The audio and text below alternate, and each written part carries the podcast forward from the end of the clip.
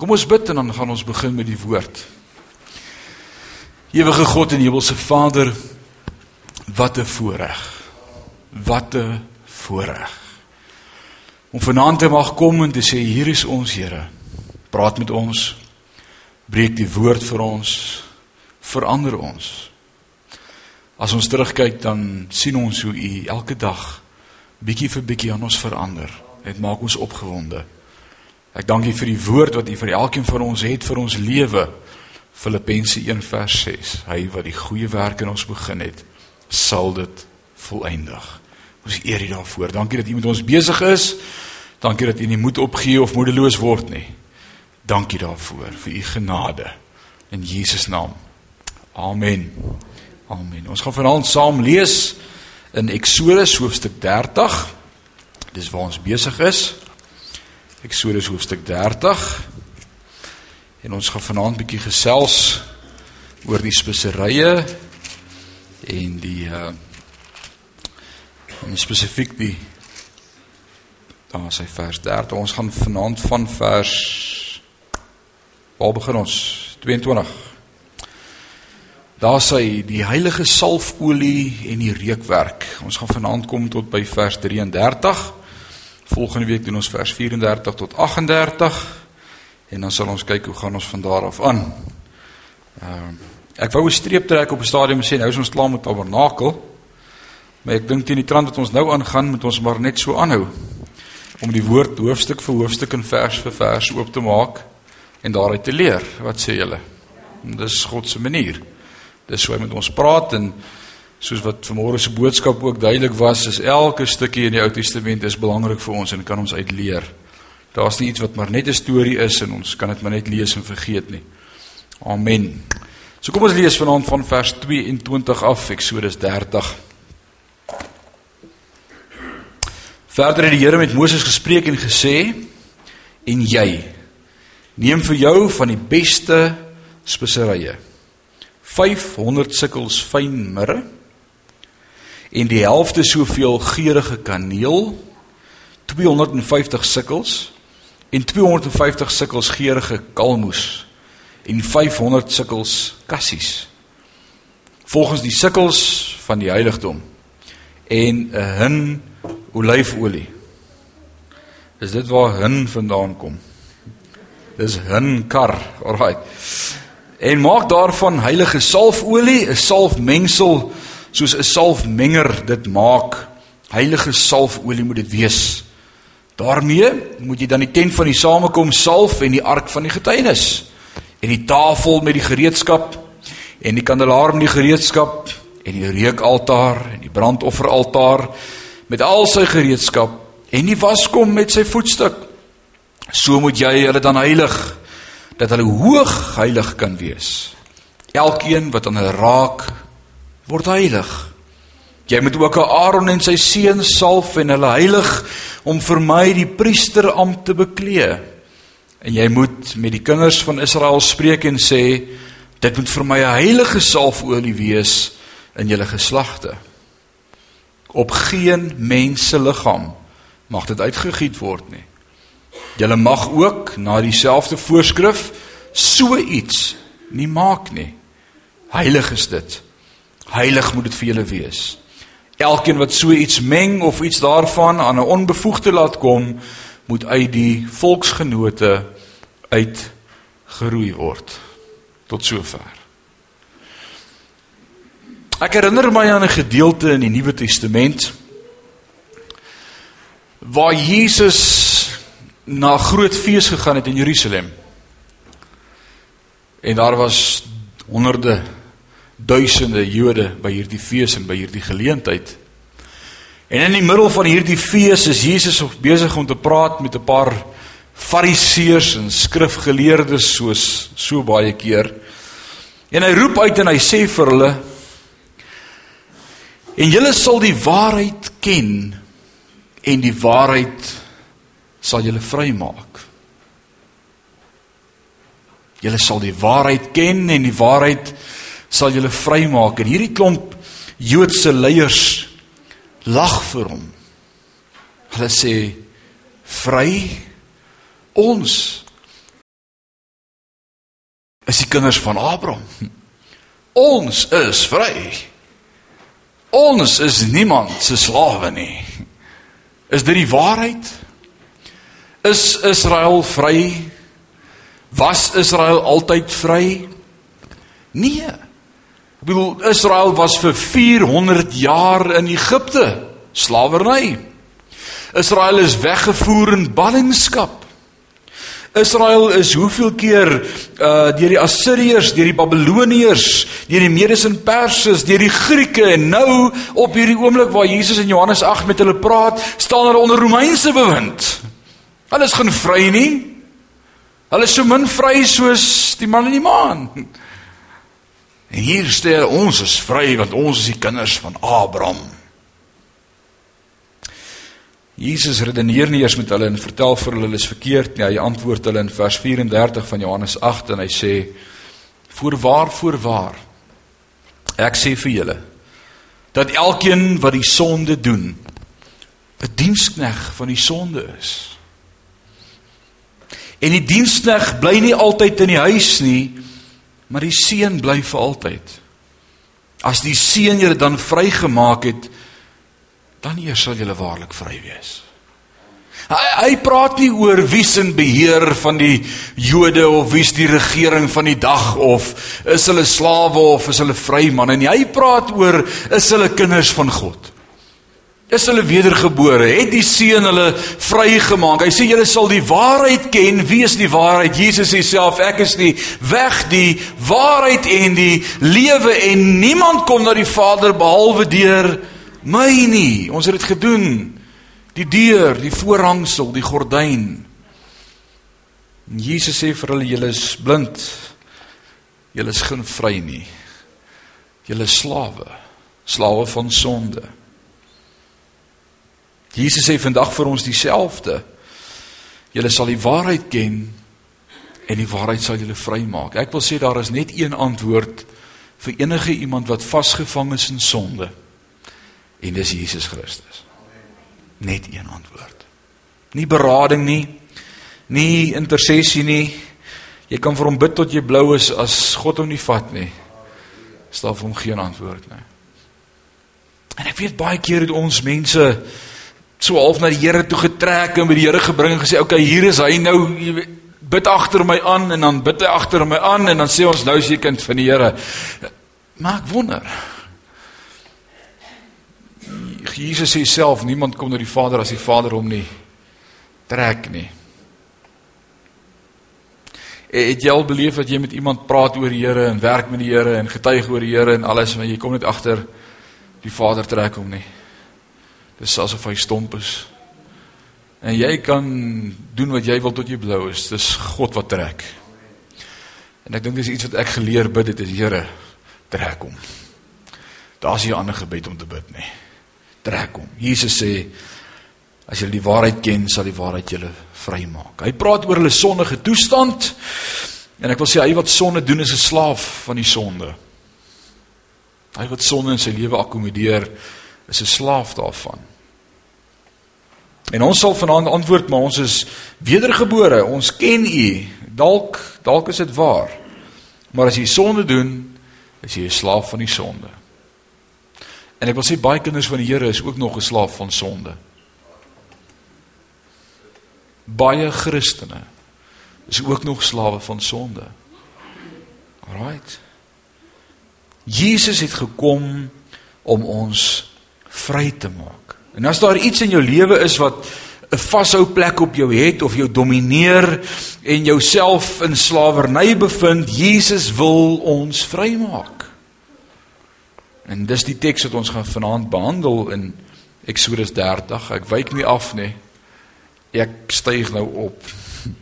Wil jy met my by my bly op hierdie roete vanaand? Die eerste keer wat Jesus bedien. Eerste preek wat hy preek. Begin van sy bediening.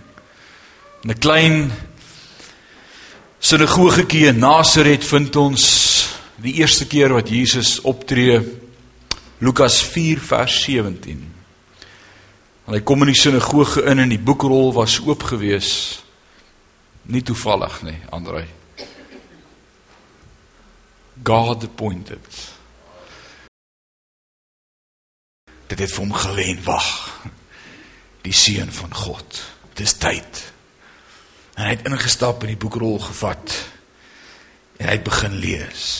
Vers 17 sê in die boek van die profeet Jesaja is aan hom oorhandig. En toe hy die boek oopmaak, kry hy die plek waar geskryf is: Die gees van die Here is op my, omdat hy my gesalf het om die evangelie in die armes te bring. Hy het my gestuur om die wat verbrysel van hart is te genees. Om aan die gevangenes vrylating te verkondig en aan blindes herstel van gesig, om die wat gebroken is in vryheid weg te stuur. Om aan om die aangename jaar van die Here aan te kondig. En nadat hy die boek toegemaak en aan die dienaar teruggegee het, gaan hy sit en sy oë van almal op die sinagoge was op hom gefestig. Toe begin hy vir hulle te sê: "Vandag is hierdie skrif in julle ore vervul." Die gees van die Here is op my. Hy het my gesalf. Dis waaroor ons vanaand gesels. Ons praat vanaand oor die salwing. En mag die Here vanaand vir ons elkeen hier uit iets leer en mag ons lewens nooit weer dieselfde wees nie. Die naam van Jesus Christus word baie keer misverstaan. Baie mense dink dit is soos 'n naam van Jesus Christus, meneer Christus. Nee, dis nie 'n naam van nie. Jesus Jesus is sy naam. OK? Yeshua, die Hebreëus. In vertaal in Afrikaans spreek ons dit vandag uit Jesus. Jesus. Jesus. Alraai, dis sy naam. Christus vertel vir ons van sy titel. Christus is die woordjie Christos in die Grieks. En dis dieselfde woordjie wat afgelei is van die Hebreëse woord wat sê Mashiach of Messias, die Messias. So Christus beteken the anointed one. Die gesalfde een. Alraight. So Jesus Christus is die gesalfde een. So Messias en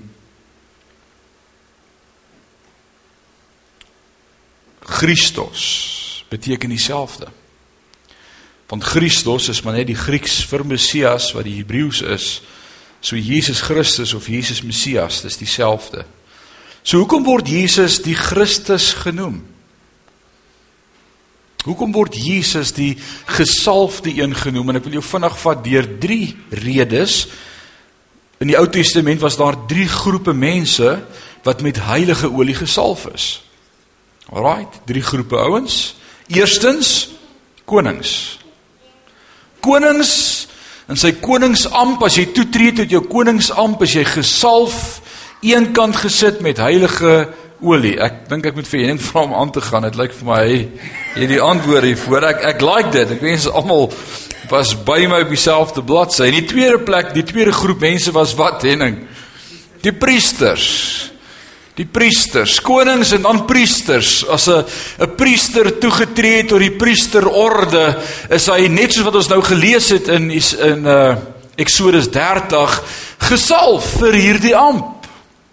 En dit sien ons dwars deur die Ou Testament en dan die derde groep wat gesalf was was die profete.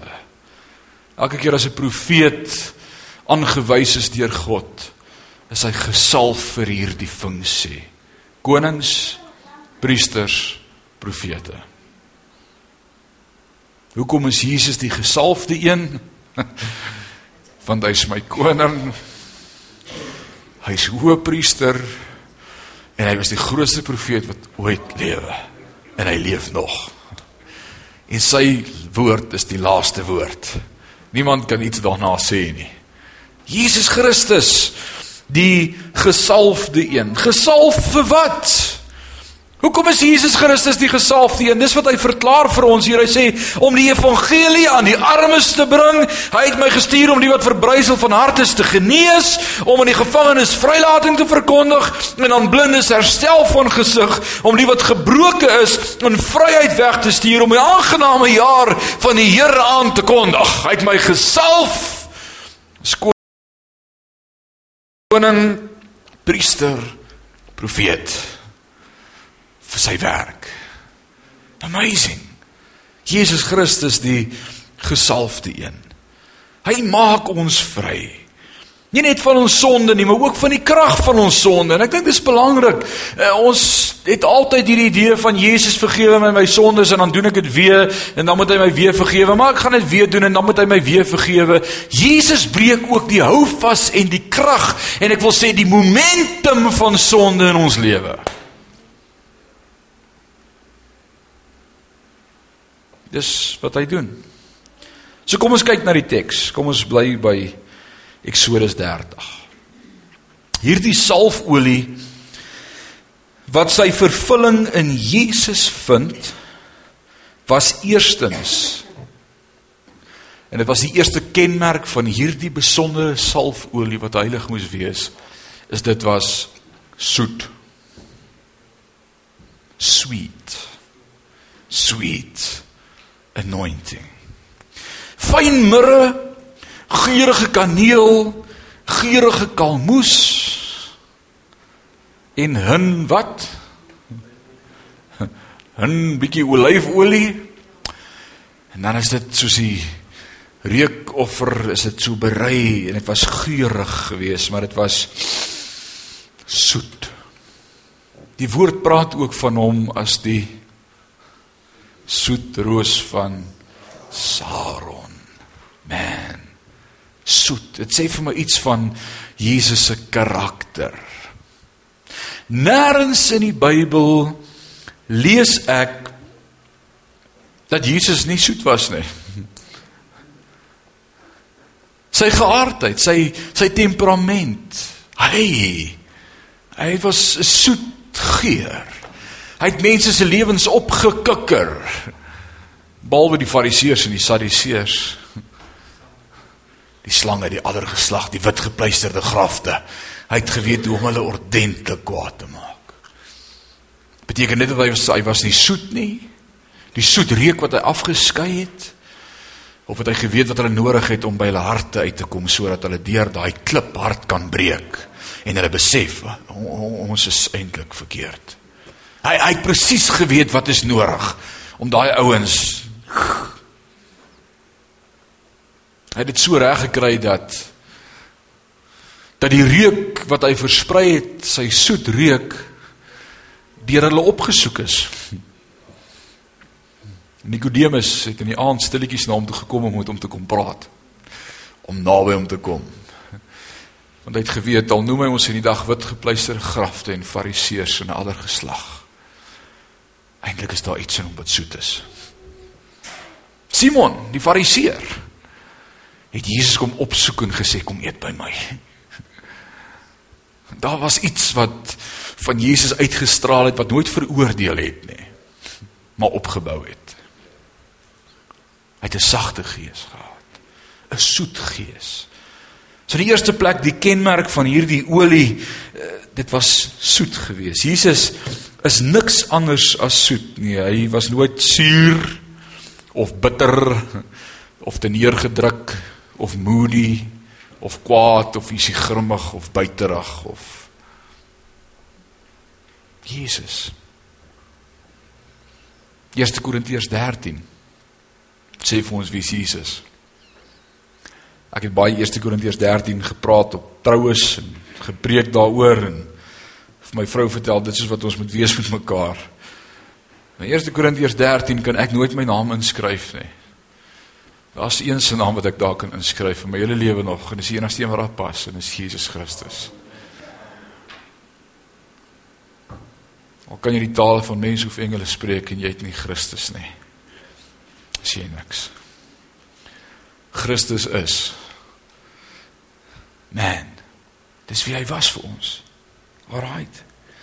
En die tweede plek, hierdie salfolie. It was one of a kind. Daar mag nie 'n replika gewees het of 'n plaasvervanging daarvoor nie. Daar was net een van hulle. Net een.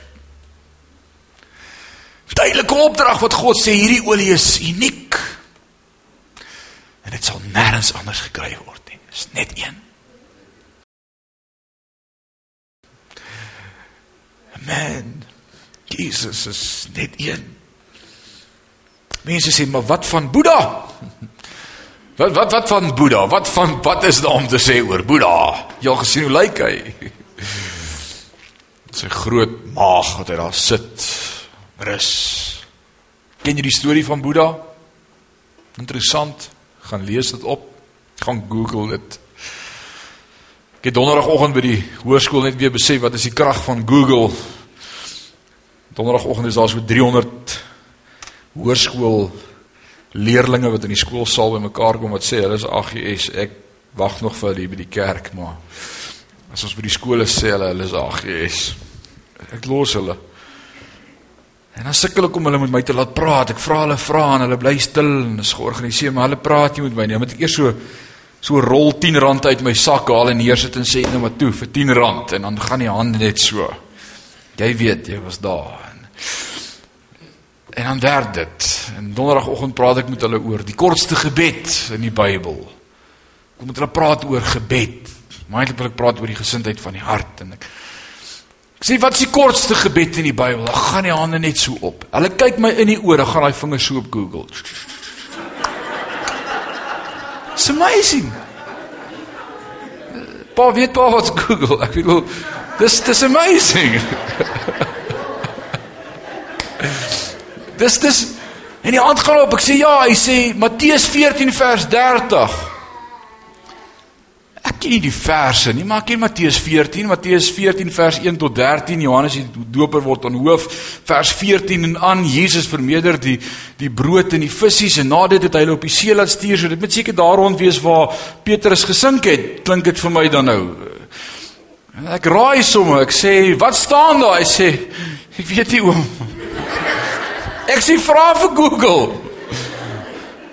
Ek sê ek dink daar staan red my. Google.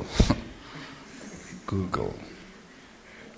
Ouens daar was geen so gaan Google Boeddha. Dis dis wat ek probeer sê. Hy was Boeddha was op soek na ware geluk. Boeddha was 'n getroude man met 'n vrou en kinders. Hy was 'n gesinsmens het gekrepeer van ellende, het met hulle swaar en ellende gegaan, hy het so teen die hange van 'n berg gebly en en hy besluit net op 'n goeie dag, hy pak alles op en hy gaan soek na ware geluk. Hy gaan soek na geluk. En hy los sy vrou en sy kinders en hy vaar oor die lengte en die breedte van die wêreld, eet alles wat hy kry om te eet en soek geluk. Watter man sal nie geluk vind nie? Ek bedoel, los jou vrou en kinders by die huis. Nee nee, ek dis nie glad nie wat ek bedoel nie. Die verantwoordelikheid as gesinsmens as hoof van die huis, sy rekeninge, die verantwoordelikheid, hy los alles net en gaan soek geluk. Goeie pa, né? Is dit was Boeddha? Boeddha.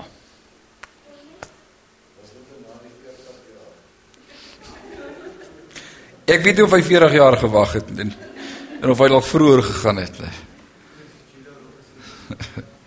Dis Boeddha. Wat van wat van Mohammed? Wat van Mohammed? Is is Mohammed nie ook 'n weg nie? Is hy nie ook die weg na dieselfde Vader nie? Soos wat Christian nou die dag by die huis kom en vir my sê, "Maar my my juffrou sê daar's daar's 'n ander Jesus ook." Jy onthou. Sê vir my was net een. Ons daar's nie twee nie. Wat wat van wat van Mohammed? Hy rig genasie op om met die swaard te verdedig. En om dood te maak. Hy gaan na Mekka en wil dit vir hulle oor as hoofstad. Mekka word bewoon. En hy sien hy gaan dit nie vinnig reg kry nie en hy sluit 'n vredesverdrag met Mekka se koning. Om te sê ek teken hier by hierdie vredesverdrag dat ek nooit met die swaard sal beklei teen Mekka nie. Sal nie oorlog maak nie, is reg.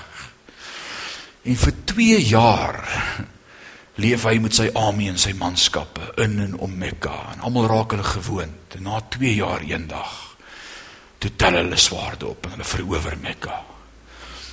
En hulle slaan 10 duisende vrouens en kinders en mans mors dood. Die bloed loop. Dis 'n bloedbad.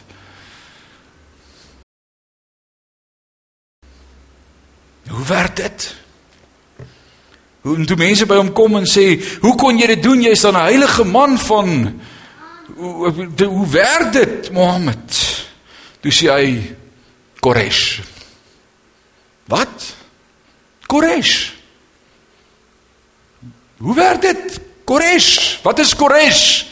Koresh is die term wat gebruik word om die volgende te sê: jy kan jou woord op papier gee en later verbreek as dit die doel van Allah bevoordeel. Koresh. Bedrog. Lieg. Dis fyn. Koresh. Dis wat Gaddafi vir so lank met Amerika gedoen het. Hy het hulle gekoresh. Op papier is dit alles pragtig, maar ek het 'n ander plan. Is dit 'n weg? Ek wil vir sê daar's net een weg. En ons kan deur al die godsdienste na al die geestelike leiers oor die wêreld kyk. Daar's net een. En ons het dit vanmôre begin sing toe ons begin het met ons sangdiens. Daar is niemand soos hy. Jahwe. Niemand soos hy. Wow. Derdens wat vir my uitstaan uit hierdie gedeelte uit. Vers 32 se begin. Op geen mens se liggaam mag dit uitgegiet word nie. Ek wil sê dit moet van vlees weerhou word. Hierdie salfolie. Die salwing of die olie sal nooit op vlees uitgegiet word nie. Daarom is Jesus telke male gereeld gesalf omdat Jesus nooit in die vlees vleeslik was nie. Hy het hom nooit vleeslik gedra nie. Hy het die vlees nie geëntertain nie. Daar was die plek vir sonde in sy lewe. In Hebreërs 1 vers 9 sê: "U het geregtigheid liefgehad en ongeregtigheid gehaat." Daarom het o God U God u gesalf met vreugdeolie bo u metgeselle. Omdat u die vlees gehaat het en dit wat goed is lief gehad het. Ek wil sê dis die derde kriteria van Jesus of karaktereienskap attribute wat vir my uitstaan hieruit uh, is Jesus het nooit in die vlees gekompromis nie. Nêrens in die Bybel kan jy sê maar hier hier het hy verkeerd gemaak. Hier het hy in die vlees opgetree. Hier het hy sonde gedoen. Nee. Daar's niemand soos hy nie. Jesus was as mens die vreugdevolste mens ooit, dink ek. En ek wil daai stelling vanaand maak. Jesus was die vreugdevolste mens ooit. Vreugde. Nooit suur of nooit kwaad nie. Daarom sê die woord hy moet vreugdeolie gesalf. Die Vader het hom gesalf omdat hy sonde gehaat het. Ek wil die volgende stelling maak: Heiligmaking bring vreugde in jou lewe en sonde maak dood. Sonde bring te neergedruktheid en dit maak jou morbied. Kyk na enige een se lewe. As jy Christus in jou lewe het, het jy rede om bly te wees. As jy hom nie het nie, het jy geen rede om bly te wees nie. Is dit nie so nie? En ou wat naby die voete van die Here lewe, man, maak nie saak of hy siek is en of hy arm is en of hy wat is nie, daar's vreugde. Het jy dit al beleef? Oom Leon, ek dink jy beleef dit as jy by die ou mensies huisbesoek doen, daar waar hulle bed lê, dalk siek deur trek van een of ander siekte, krippel, kan nie loop nie, kan nie eers meer opstaan nie, kan niks vir hulle self doen nie, maar hulle het die Here. Maar die woord sê hy wat die seën het, het alles. As jy met hulle praat dan dan sê amper asof hulle jou sê waarvoor ons kan ons vir jou bid. Want hulle het vreugde, hulle het die Here. Man, dis awesome as 'n ou sien hoe iemand vreugde in sy lewe het. Die vreugde wat Christus gee, ervaar ek nou in my gemoed. 'n Soete vrede, 'n stille vrede wat net hy vir my kan gee. En ek wil vir sê jy kan nie daai vrede in jou lewe hê as daar sonde is nie. Kan nie. Kan nie. So dit? Hy sê julle sal die waarheid ken en die waarheid sal julle vrymaak. Hierdie is die waarheid. Jesus Christus is die waarheid en hy maak ons vry. Hierdie salwing waarvan ons lees hier in Eksodus 30, die olie, die vreugdeolie. Dis hy. Hy sê ons sal hom ken en dit sal ons vrymaak. So werk dit. Jesaja 10 vers 27. Jesaja praat hier van die Assiriër.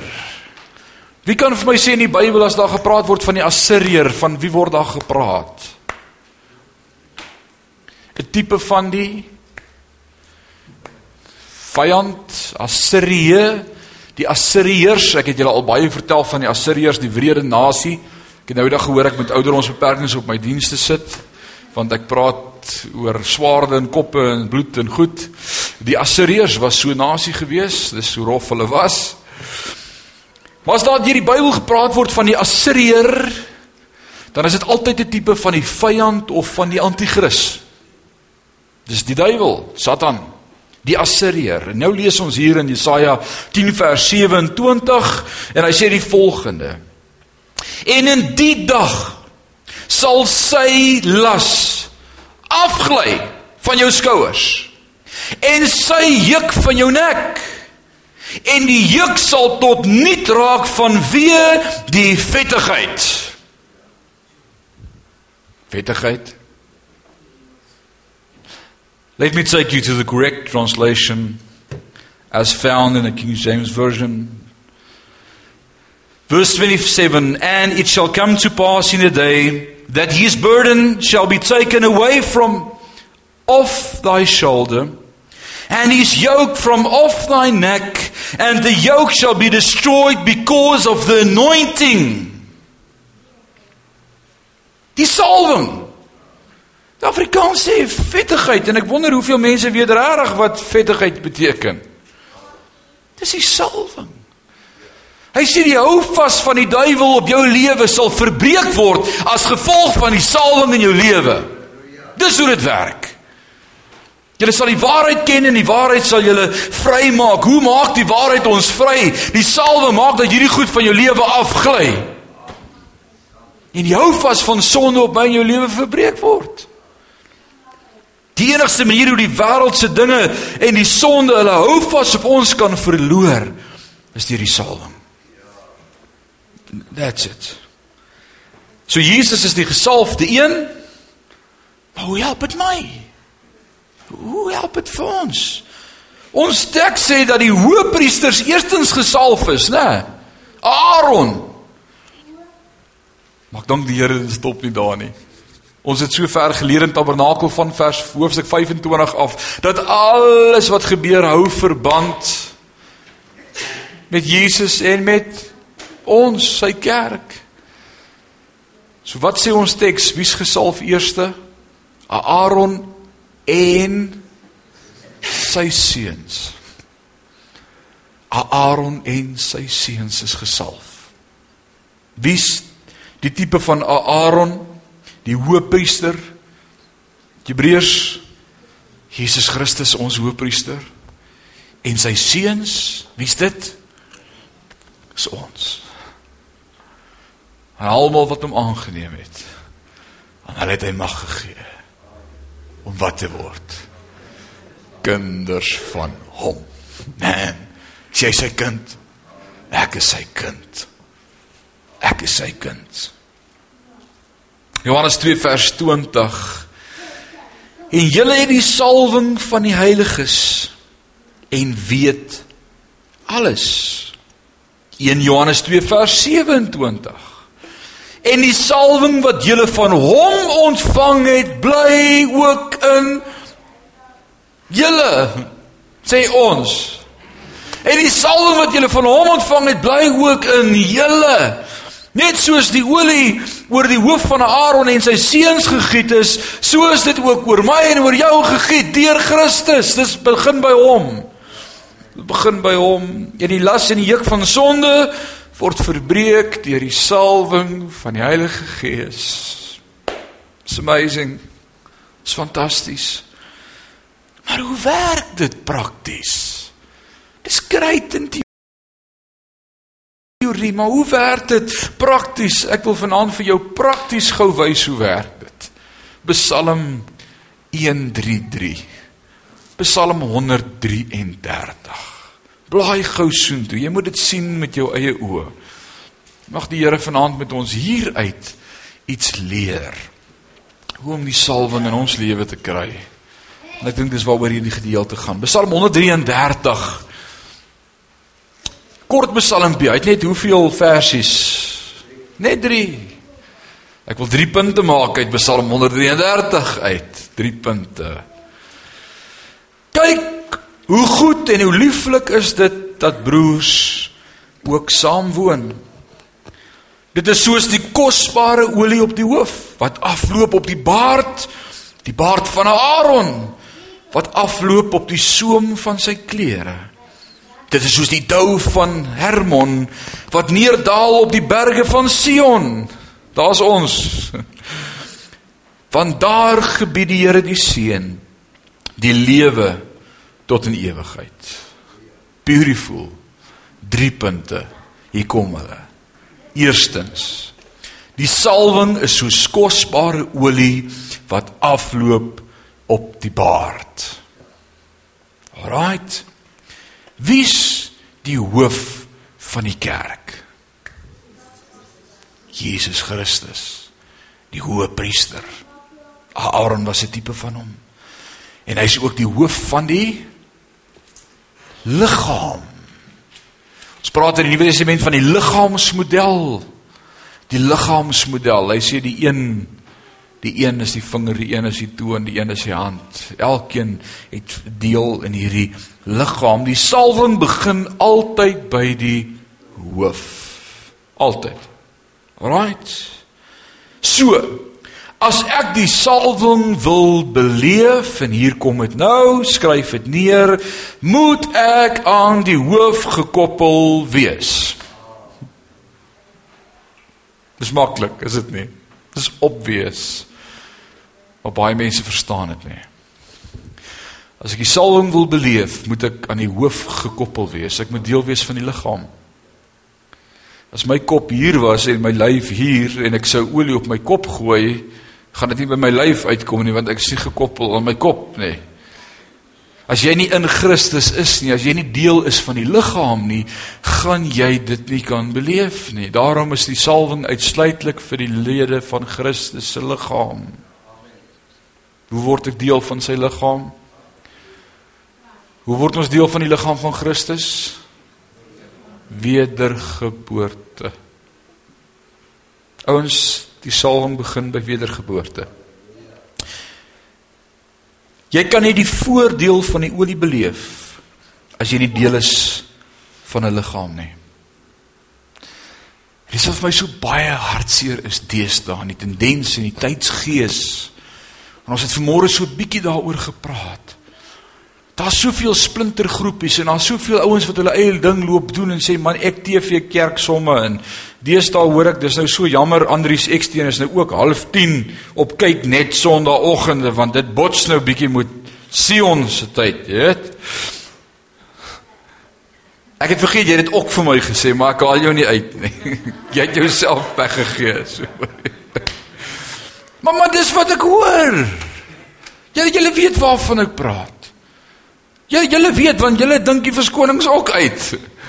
O, oh, ouens. As jy nie deel is van 'n liggaam nie, sou nie liggaamsmodel is nie. Gaan jy nie die voordeel van die salwing ervaar nie. Kan nie. Vir kerk gaan dit nie vir jou doen nie. Beloof jou. Dankie Andre. Hulle sê dit al sê in die aand. Ek maar hoe lank is dit? PVR, ouens PVR. Alrite. In die tweede plek.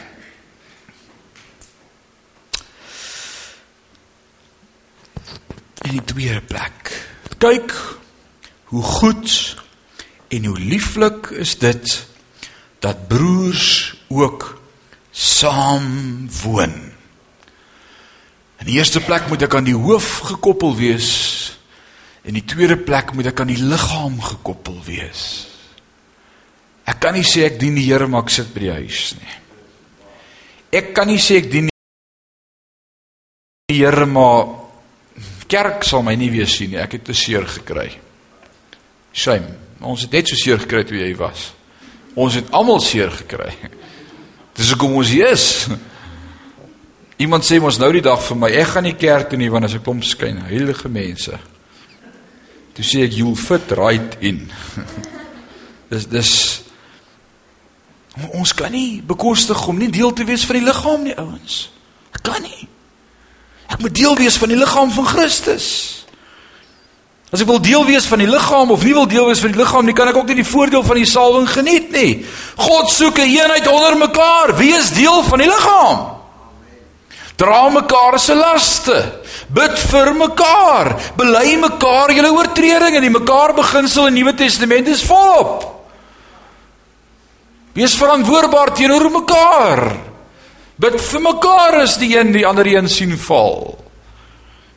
As jou broer sien sondig en is dit sonde nie tot die dood nie, bid dat God hom vergewe en God sal hom vergewe. En as hy sonde tot die dood doen, ek sê nie dat jy vir so 'n persoon moet bid nie. Ouens, dis mekaar. Dis kerk. Dis fellowship. Dis eklesia. Dis dis al waar jy dit gaan beleef. Daarom kan 'n mens wat hulle self afsny van die liggaammodel nie verwag om God se seën te beleef nie. Kan nie. In die derde plek. Vers 3. Dit is soos die dou van Hermon wat neerdal op die berge van Sion. En hier kom die punchline met wil jy moet vashou. Alraight. Ons moet tot verfrissing van die wêreld wees. Ek het lank hieroor gedink. Hoekom beleef ons nie salwing nie? Hoekom beleef ons nie salwing nie? In die derde plek is dit baie belangrik waarvoor dit aangewend moet word. Dis presies wat Jesus verklaar het in Lukas 4. Dis presies wat Psalm 133 vers 3 my leer.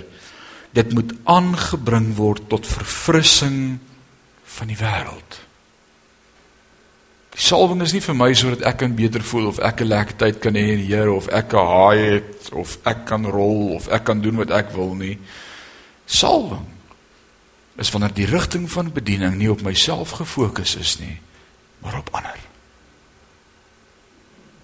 Hoor jy wat ek sê? Wat het Jesus gesê?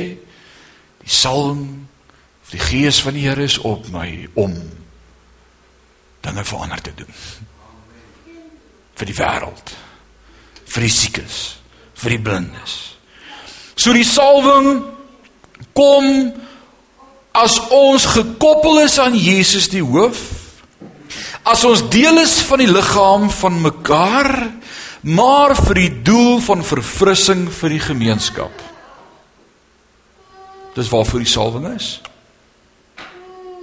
Handelinge 10 vers 38 ons laaste skrif Johannes 10:38. Ag, Handelinge 10, ekskuus. Handelinge 10:38.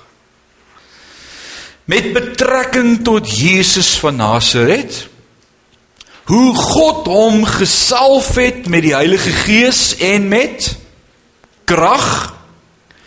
Hy het die land deurgegaan, goed gedoen en almal genees wat onder die mag van die duiwels was, omdat God met hom was. Hoekom was Jesus gesalf? Hoekom was die salwing van die Heilige Gees met Jesus? Hierdie skrif sê dit vir ons.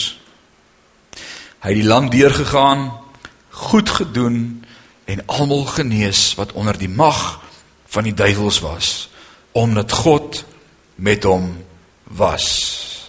Salwing kom as ek nie fokus op myself nie, maar op ander. Is dit so maklik? Is dit regtig so maklik? Ja. In jou eie lewe wil ek hê jy moet bietjie dink wanneer het jy die salwing van die Here beleef op 'n saak in jou lewe? Was dit toe dit oor jou gegaan het? Of omdat jy vir iemand anders iets gedoen het? Wees eerlik. Wanneer ek my bediening aanwend om ander te stig en te bemoedig om te bedien, te gaan voete was, te gaan versorg, te gaan bid, te gaan nagmaal bedien, dan beleef ek die salwing van die Here. Is dit nie so nie? En ek kon nog nooit my vinger op dit lê nie. Ouens, daar's 'n verskil tussen om God se teenwoordigheid te beleef en om die salwing te beleef. Die salwing is wanneer God jou salf vir iets. Vir wat? Om 'n verskil te maak in die wêreld. Die salwing waarvan ons lees in Eksodus 30 of hierdie salfolie se funksie was gewees om in al die meubelstukke in die tempel dit te sit sodat as wat gebeur wat dan gebeur. Sodat almal wat daaraan raak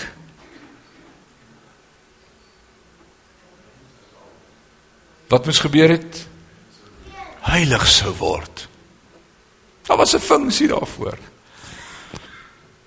Imagine as ons vandag dieselfde funksie het vir die salwing. As ek kan sê almal waaraan ek raak word heilig. Man. Wow. Ek wil vir jou sê Jesus Jesus kon dit sê. Weet jy wat wonderlik ek ek gaan dink daaroor. Jesus het nooit gepreek terwyl hy gesond gemaak het nie en hy het nooit gepreek nadat hy gesond gemaak het, nê? En hy het nooit gesond gemaak sodat hy plek het om te preek nie. En hy het nooit gesond gemaak nadat die mense eers na sy preek geluister het, nê? Hy het net gesond gemaak. And he went about and healed the sick. Delivered them. Hy het net gesond gemaak.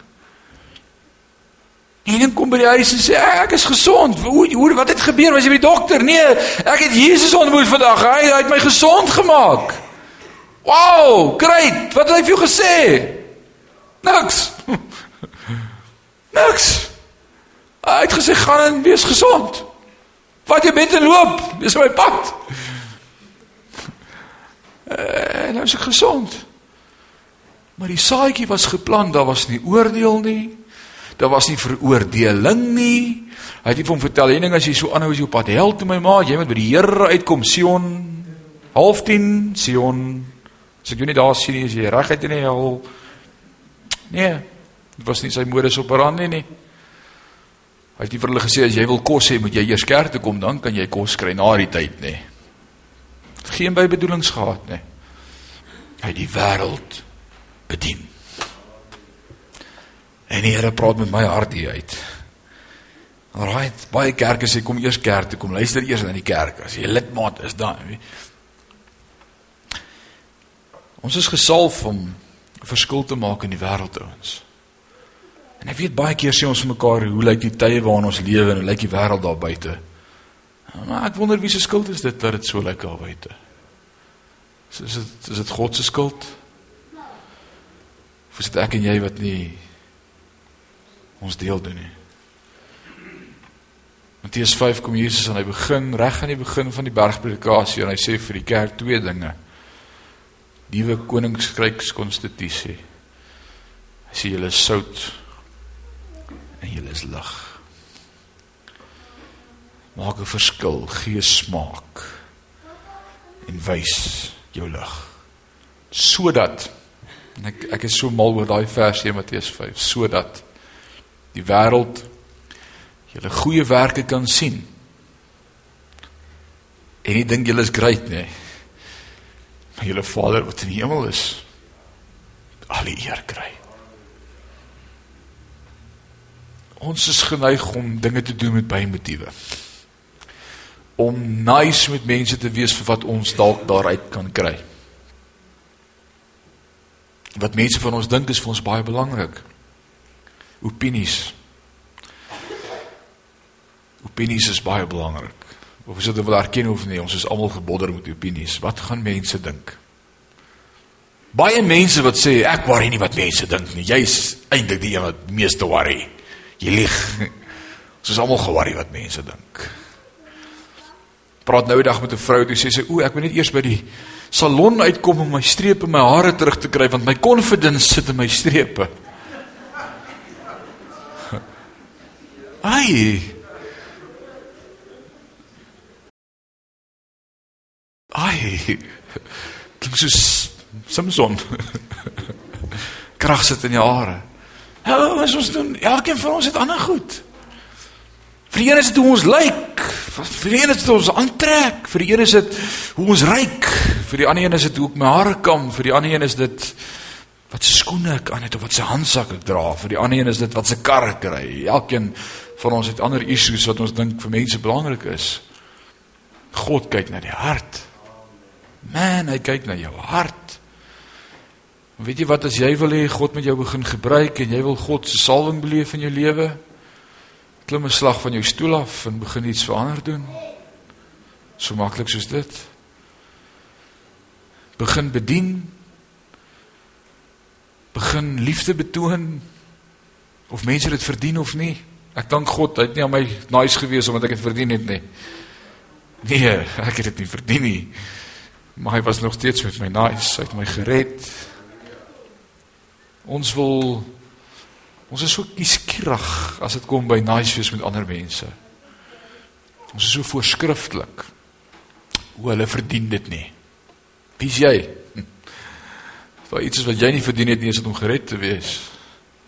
Is dit waar? Ouens, soos wil hy God met ons gebruik, kom ons begin 'n verskil maak. En ek wil vir jou sê moenie moenie wonder eers moet ek preek of moet ek 'n trataatjie uitdeel of moet ek darm 'n uh, Sion sleutelouertjie daarin veg net om so iewers die boodskap te laat sink, jy weet, ek is darm in Sion of nee, moenie ek sê nie asseblief, wees net nice. So met Pick n Pay uitkom en ek sien die tannie struggle met haar trolley. Moet hom net vat en stoot en sy gaan dink jy, "Hi Jacka." Vra, tannie, kan ek jou help jou trolley stoot? Waar het jy gestop? Hoekom? Ken ek jou? Sê nee. Ek wil net graag iets doen vir tannie. Wanneer laas het jy net sommer iets gedoen vir iemand wat jy glad nie ken nie? Ons is so Ons weet waar ons werk, ons weet waar ons bly, ons weet waar is die poskantoor, ons weet waar om brood en melk te kry en ek weet wie om te groet en wie om te ignoreer. En dis dis dit, dis my lewe. Ouens. Moenie verbaas wees dat jy nie God se salwing in jou lewe beleef nie. Jesus was gesalf vir 'n funksie, vir 'n taak. En dit was om 'n verskil te maak in ander se lewens. En hy is gesalf met vreugde, olie sê die woord. Jy op 'n plek wil kom in jou lewe wat jy weer God se vreugde beleef. Dat jy weer kan smile. Begin dinge doen vir ander ouens. Daar's geen so groot blessing in die lewe as om te gee nie. Gee, gee, gee. Gee, gee, gee. En jy gaan agterkom. Ek ervaar sy salwing. Vir my roeping, vir my bediening om 'n verskil te maak. Man, dis lekker. Dis lekker. Staan nou die dag eh, en ek sê dit nooit nie want die woord sê die linkerhand moet nie weet wat die regterhand doen nie. Maar dit so ek gaan jou nou nie vertel nie. Ek het myself nou gestop. Maar maar doen dinge om 'n verskil te maak. Doen dinge om 'n verskil te maak. Kan ek jou challenge? Dis een ding om te bid, Here, ek soek U salwing in my lewe. En sê Here, okay, wanneer gaan jy om iets te doen? Ons is soos, Here, ek wag nog vir U salwing. Okay, wanneer gaan jy om iets te doen? So ek wil jou vanaand vra, wanneer gaan jy om iets te doen?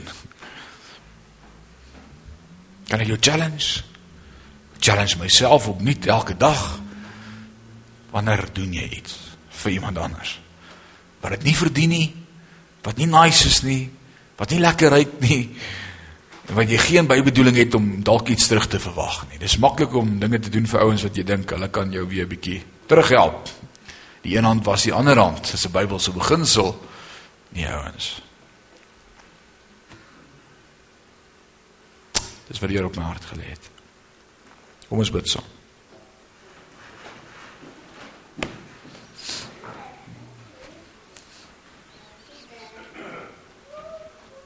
Aba Vader. Dankie vir u woord. Dankie dat u op pad is met elkeen van ons. Dankie dat ons elke dag iets nuuts kan leer. Dalk is dit ou waarhede vanaand. Maar dis u woord. En ek wil vanaand bid. Dat elkeen vanaand in hierdie plek homself nou sal beskikbaar stel vir die werking van u salwing deur ons. Om 'n verskil te maak in 'n wêreld wat u so nodig het. Vader, help ons in hierdie week om mense se lewens wat u nodig het 'n verskil te maak sonder om te preek, sonder om te vertel wat hulle moet doen. U u sal die werk doen, u is die naprediker en die woord sê die Heilige Gees sal oortuig van sonde, geregtigheid en oordeel. Dis nie my werk nie. Maar kan 'n saadjie plant. Ek kan vir die wêreld wys hoe lyk 'n kind van die Here. Ons is hier om te dien. Hierdan sal die wêreld weet dat julle my disippels is. Aan julle liefde. Gee ons liefde. Gee ons liefde. Onvoorwaardelike liefde. Ag Here, so maklik om te sê ons het U lief. Maar dit is net so moeilik om te sê ons het U lief. Want soos hy ook met Petrus gepraat het, het hy elke keer vir hom gevra, "Het jy my lief?" En hy sê ons ja, ja, ons het U lief. En dan gee hy vir ons 'n opdrag. Laat my lammers wy. Dankie vir u woord. Dankie vir sulke kosbare tye in die teenwoordigheid. Dankie. Dankie Here. Toe wat vir ons nou stil word vir 'n paar oomblikke. Dat jy met ons elkeen sal praat en vir ons sal wys ook hoe moet ons begin om uit te reik na 'n wêreld wat U nodig het om 'n verskil te maak. Ek weet Parys het God groot nodig. Baie nodig. Baie nodig. Help ons, praat met ons, wys vir ons. Wys vir ons hoe kan ons betrokke raak om verskil te maak. En mag ons U salwing beleef. Mag ons U salwing beleef. Hy's groot. Amen.